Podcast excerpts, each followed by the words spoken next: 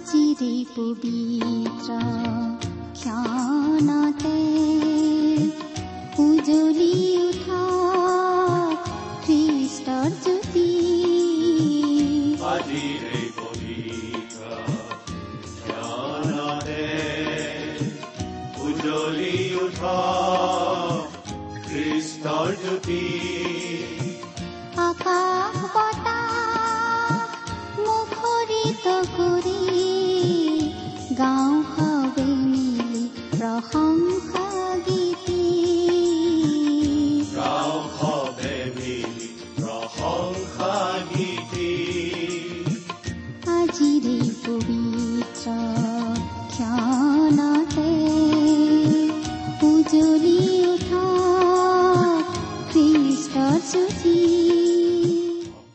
আমাৰ মহান ত্ৰাণকৰ্তা প্ৰভু যীশুখ্ৰীষ্টৰ নামত নমস্কাৰ প্ৰিয় শ্ৰোতা। এয়া মুকলি কৰিবলৈ লৈছো বাইবেল অধ্যয়নৰ ধাৰাবাহিক অসমীয়া অনুষ্ঠান ভক্তি বচন।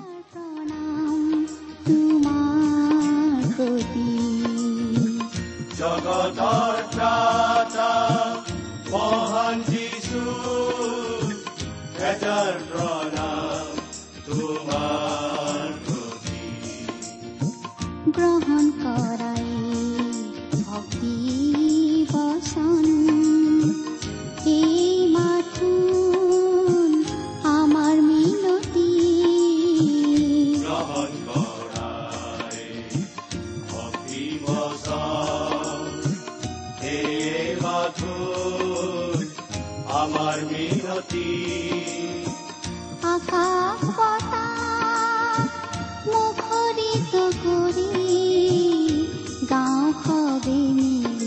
红，很。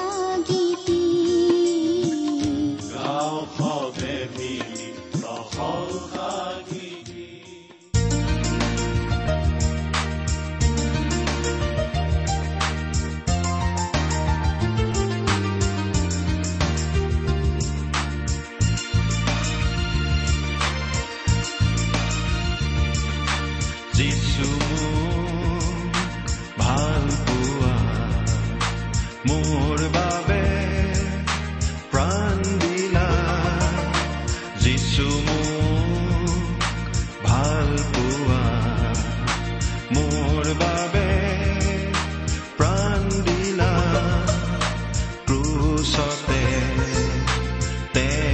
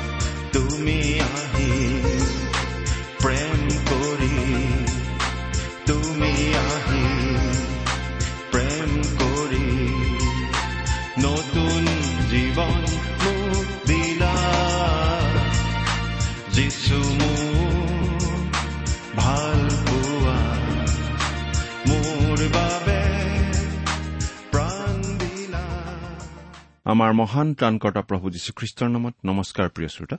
আশা কৰোঁ আপুনি ভালে কুশলে আছে। প্ৰিয় শ্ৰোতা আপুনি বাৰু আমাৰ এই ভক্তিবচন অনুষ্ঠানটো নিয়মিতভাৱে শুনি আছেনে? এই অনুষ্ঠান সম্বন্ধে আপোনাৰ মতামত আদি জনাই আমালৈ চিঠি পত্ৰ লিখিছেনে বাৰু?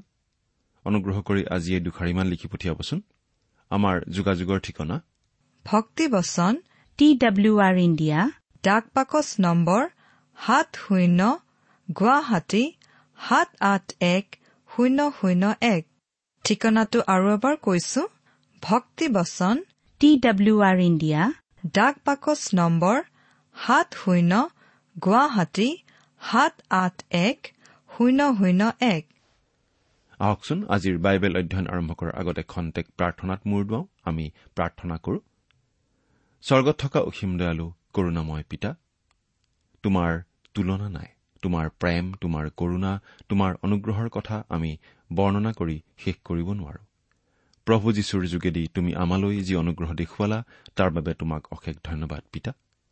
এতিয়া আমি তোমাৰ মহান বাক্য বাইবেল শাস্ত্ৰ অধ্যয়ন কৰিবলৈ আগবাঢ়িছো। তোমাৰ বাক্য তুমিয়েই আমাক বুজাই দিয়া। এই অনুষ্ঠানৰ আৰম্ভণিৰ পৰা শেষলৈকে তুমিয়েই আমাৰ চলাওঁতা হোৱা। অনুষ্ঠান শুনি থকা প্ৰতিজন শ্ৰোতাৰ জীৱনত তোমাৰ মহান অনুগ্ৰহৰ আশীৰ্বাদ প্ৰকাশ পাই উঠিবলৈ দিয়া। কিয়নো এই প্ৰাৰ্থনা আমাৰ মহান ত্ৰাণকৰ্তা প্ৰভু যীশুখ্ৰীষ্টৰ নামত আগবঢ়াইছো।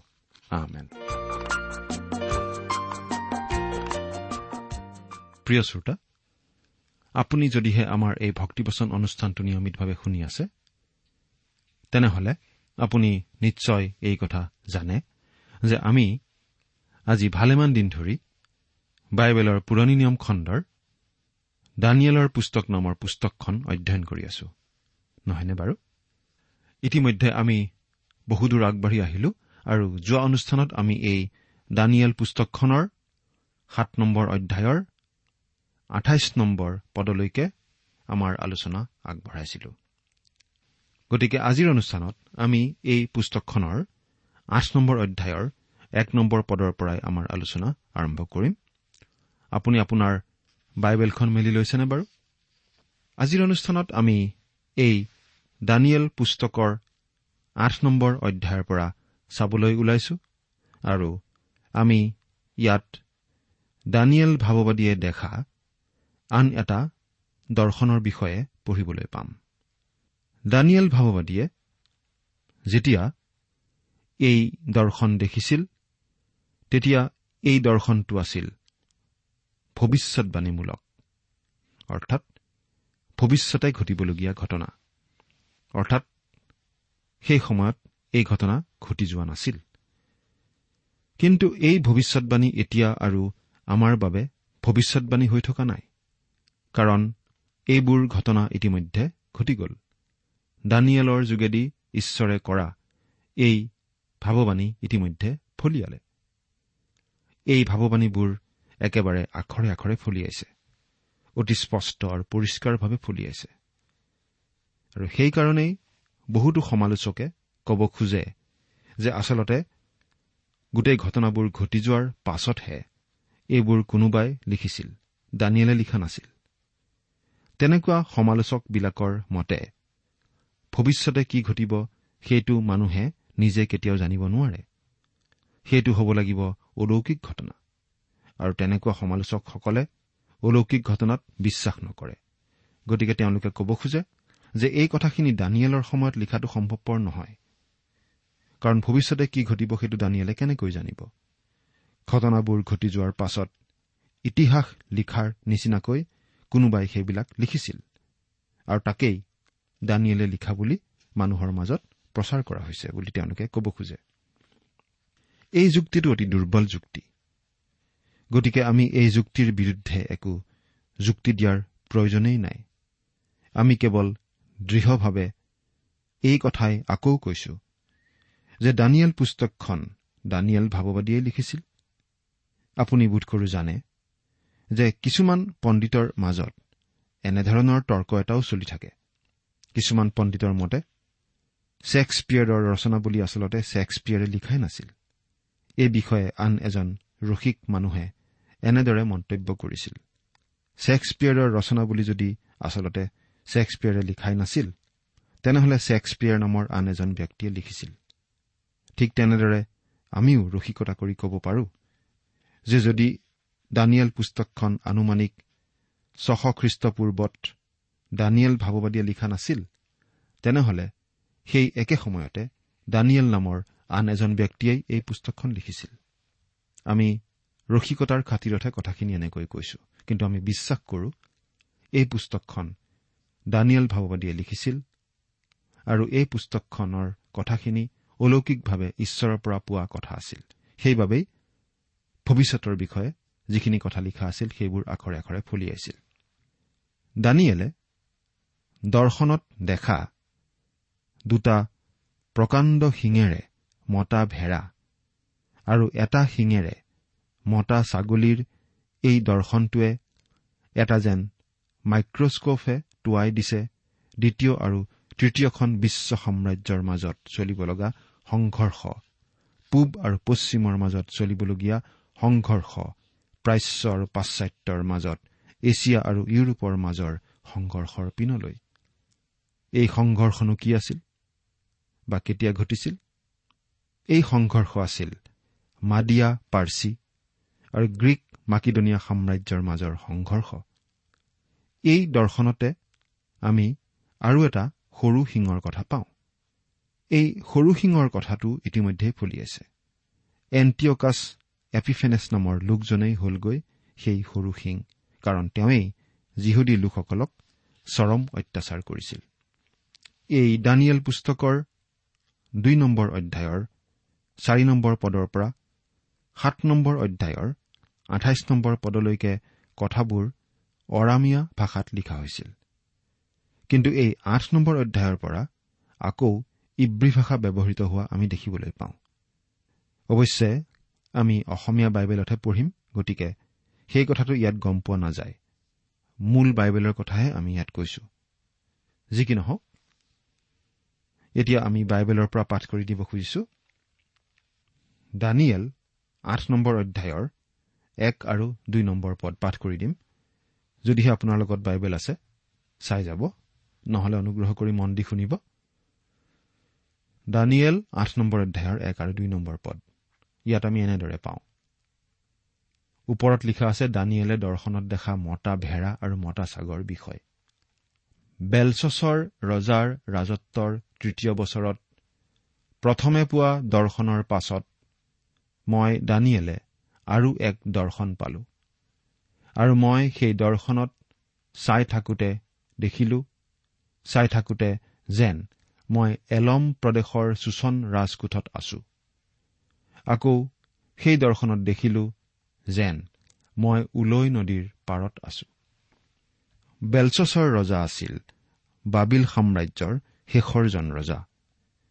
তেওঁৰে ৰাজত্বৰ তৃতীয় বছৰত দানিয়েলে আৰু এটা দৰ্শন দেখিলে।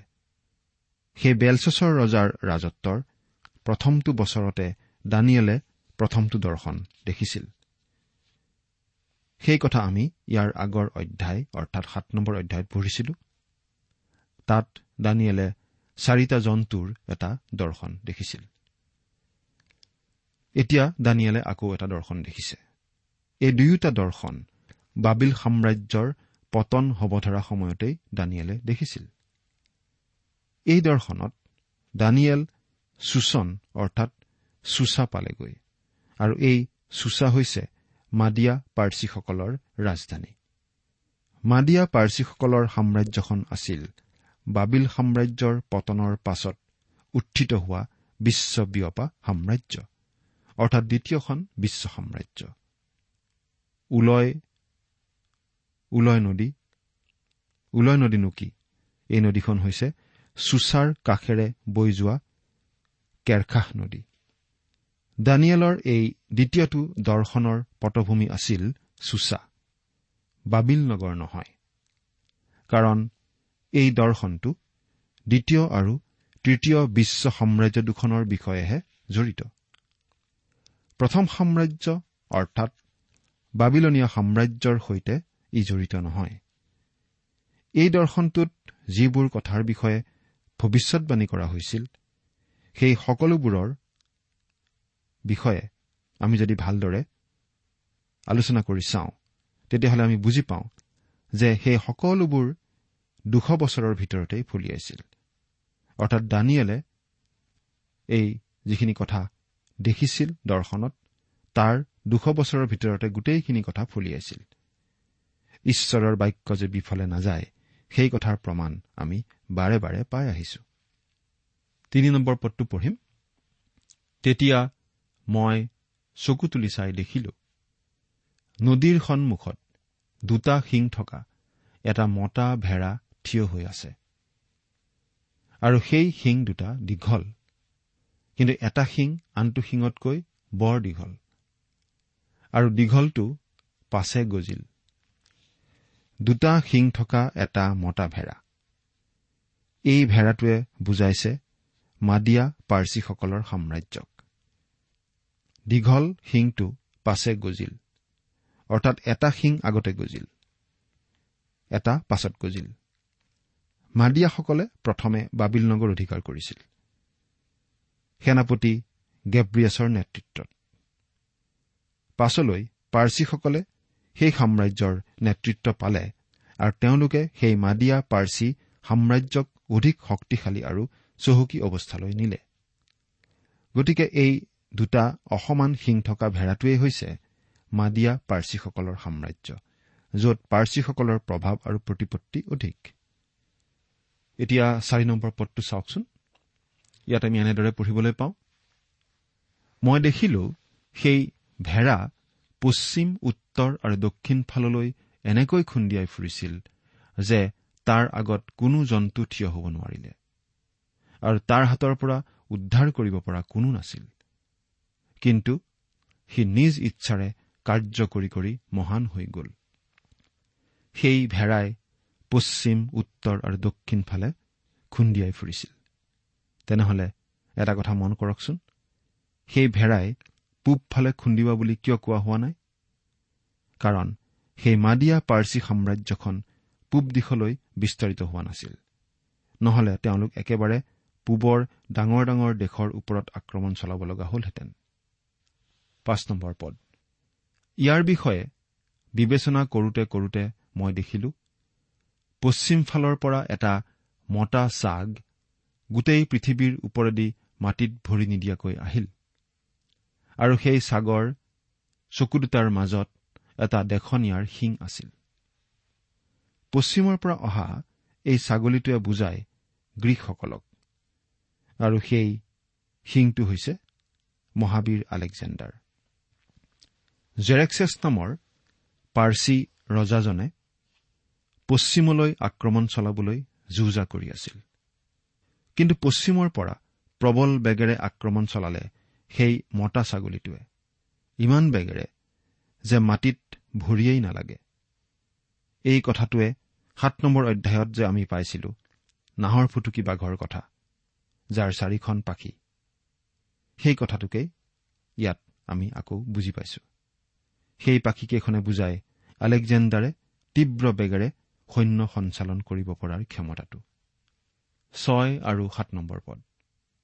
পাছে দুটা শিং থকা যি মতা ভেড়াক মই নদীৰ সন্মুখত থিয় হৈ থকা দেখিছিলো। সেই চাগে তাৰ ওচৰলৈ গৈ তাৰ প্ৰচণ্ড ক্ৰোধত তাক আক্ৰমণ কৰিলে। মই তাক ভেড়াটোৰ ওচৰলৈ যোৱা দেখিলো। সি তাৰ ওপৰত খঙেৰে জ্বলি উঠি সেই ভেড়াক খুন্দা মাৰি তাৰ শিং দুটা ভাঙিলে। তাৰ আগত থিয় হবৰ শক্তি সেই ভেড়াৰ আৰু নাথাকিল। কিয়নো সি তাক মাটিত পেলাই ভৰিৰে গচকিলে তাৰ হাতৰ পৰা সেই ভেড়াক উদ্ধাৰ কৰিব পৰা কোনো নাছিল। ইয়াত মতা চাকটো অৰ্থাৎ আলেকজেণ্ডাৰে প্ৰচণ্ড খঙেৰে আক্ৰমণ কৰা বুলি কোৱা হৈছে। আলেকজেণ্ডাৰে মাদিয়া পাৰ্চীসকলক ধ্বংস কৰিবলৈ প্ৰচণ্ড বেগেৰে আক্ৰমণ চলাইছিল। পাৰস্যৰ শেষৰজন ডাঙৰ সম্ৰাট আছিল জেৰেক্সেছ। তেওঁ ইউৰোপ বিশেষকৈ গ্ৰীচ দেশৰ বিৰুদ্ধে সৈন্য অভিযান আৰম্ভ কৰিব ধৰিছিল। তেওঁলোকে তিনি লাখ পুৰুষ আৰু তেওঁলোকৰ পৰিয়ালেৰে সৈতে বৃহৎ সৈন্যদল লৈ অভিযান আৰম্ভ কৰিছিল। গ্ৰীকবিলাক বৰ চতুৰ আছিল। তেওঁলোকে তেওঁক ভেটিবলৈ আগবাঢ়ি নাহি বাট চাই আছিল। পাৰস্যৰ সৈন্যবাহিনী থাৰ্মপলি পালেগৈ। আৰু সেই থাৰ্মপলি আছিল অতি ঠেক গিৰিপথ। আৰু তাৰ মাজেদি বৃহৎ সৈন্যবাহিনী একেলগে আগুৱাব নোৱাৰে। গ্ৰীক সৈন্যসকল অতিশয় প্ৰশিক্ষিত আৰু সুশৃংখল আছিল আৰু সেইবাবে এজন গ্ৰীক সৈন্য দহজন পাৰ্চী সৈন্যৰ সমান আছিল। গতিকে গ্ৰীকসকলে থাৰ্মপলিৰ যুদ্ধত জয়লাভ কৰিলে। সেই ঠেক গিৰিপথেৰে আগবাঢ়ি যাবলৈ চেষ্টা কৰা পাৰস্যৰ সৈন্যবাহিনীক গ্ৰীকসকলে কচুকটা দিলে। আৰু তাৰ পাছত ছালামিছত জেৰেক্সেছৰ তিনিশ জাহাজৰ নৌবাহিনীও ধ্বংস হ'ল এটা প্ৰচণ্ড ধুমুহাত। এয়েই আছিল পশ্চিমৰ পিনে আগবাঢ়িবলৈ প্ৰাচ্যই কৰা শেষটো প্ৰচেষ্টা। ইয়াৰ পাছতো আৰু বিশেষ গুৰুত্বপূৰ্ণ একো প্ৰচেষ্টাই সফল হোৱা নাই। অৱশ্যে সময়ে সময়ে আক্ৰমণ নচলা নহয় কিন্তু সফল হোৱা নাই। এইদৰে পশ্চিমত উদিত হ'ল এই প্ৰবল প্ৰতাপী সেনানায়ক আলেকজেণ্ডাৰ। মৃত্যুৰ সময়ত তেওঁৰ বয়স আছিল মাত্ৰ বত্ৰিশ বছৰ।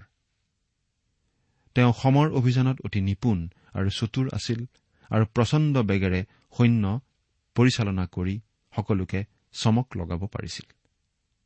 এনেদৰেই দানিয়েলে দেখা সেই ভৱিষ্যৎবাণী আলেকজেণ্ডাৰৰ যোগেদি ফলিয়াইছিল এতিয়া আঠ নম্বৰ পদটো পঢ়ি দিম। ইয়াত এনেদৰে লিখা আছে এইদৰে সেই চাগটো অতিশয় মহান হল।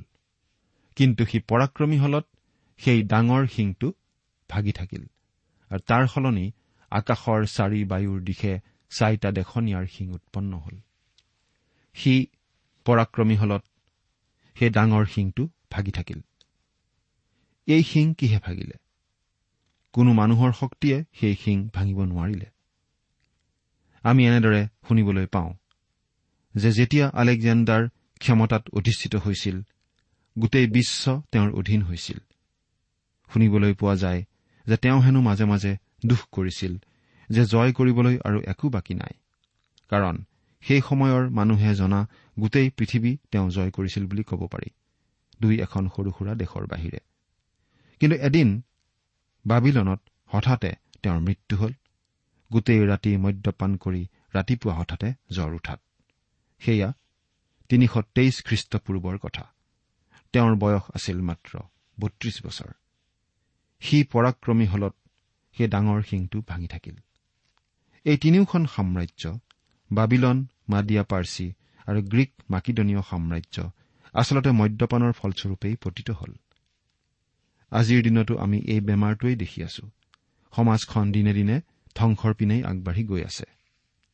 মদ্যপান কৰি গাড়ী চলোৱাৰ ফলত প্ৰতিদিনে হোৱা দুৰ্ঘটনাই গোটেই পৃথিৱীতে হাজাৰ হাজাৰ মানুহৰ মৃত্যু ঘটায় আৰু অনেকক ঘূণীয়া কৰে। মদ্যপানে পৰিয়াল ধ্বংস কৰে সমাজ ধ্বংস কৰে দেশ ধ্বংস কৰে। মহাবীৰ আলেকজেণ্ডাৰৰ বিশাল সাম্ৰাজ্য ধ্বংস হৈছিল কাৰণ তেওঁ মদৰ ৰাগীত মতলীয়া হৈছিল।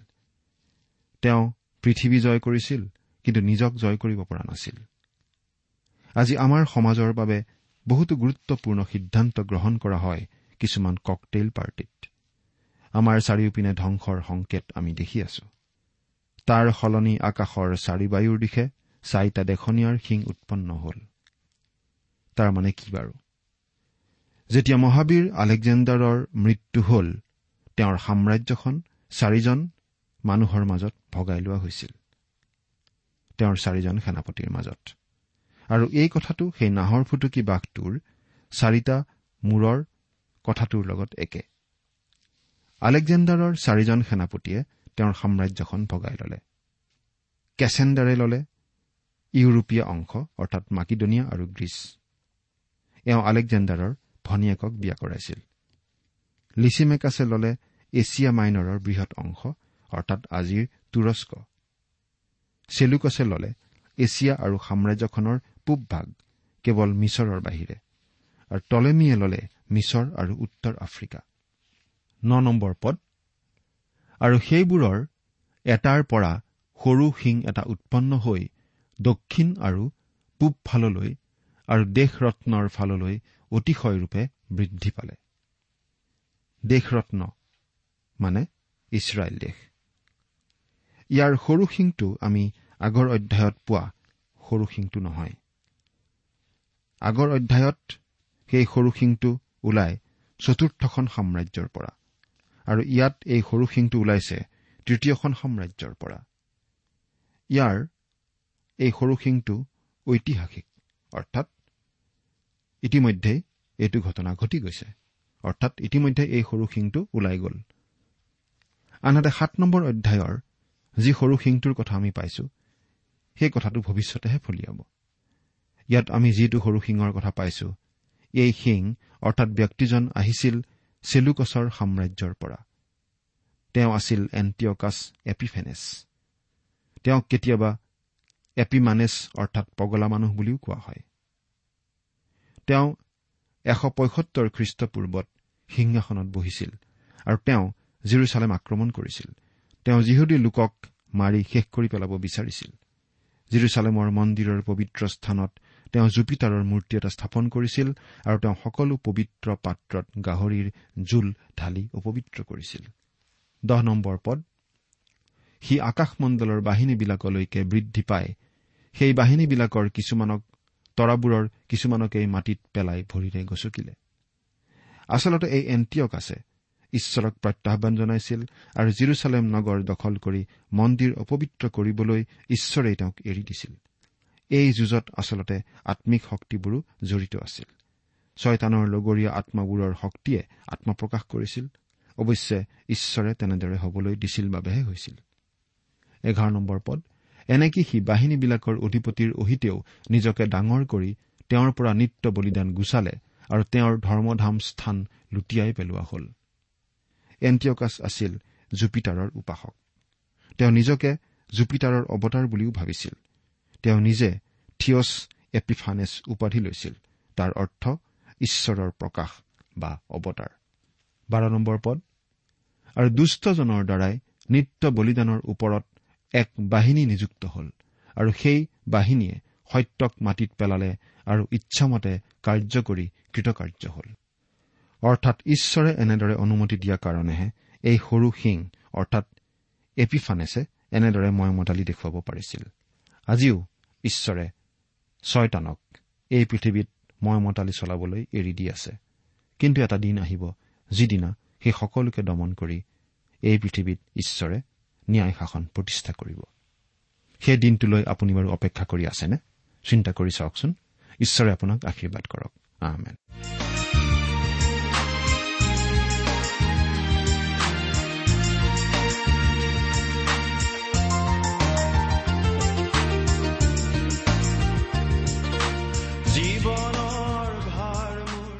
ইমান পৰে আপুনি ভক্তিবচন অনুষ্ঠানটি শুনিলে।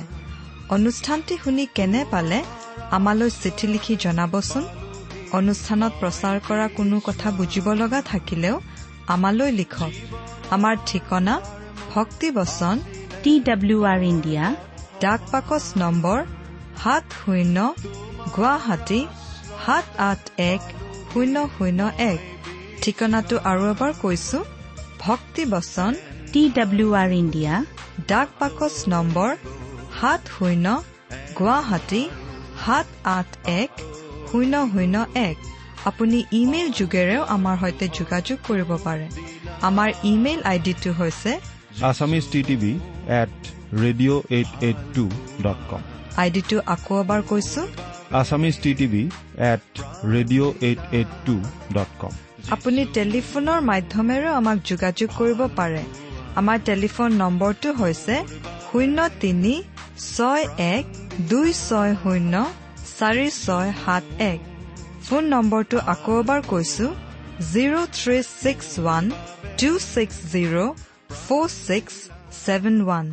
আজিৰ অনুষ্ঠানটি ইমানতে সামৰিছো। ঈশ্বৰৰ শান্তি আৰু অনুগ্ৰহ আপোনাৰ লগত থাকক। ধন্যবাদ।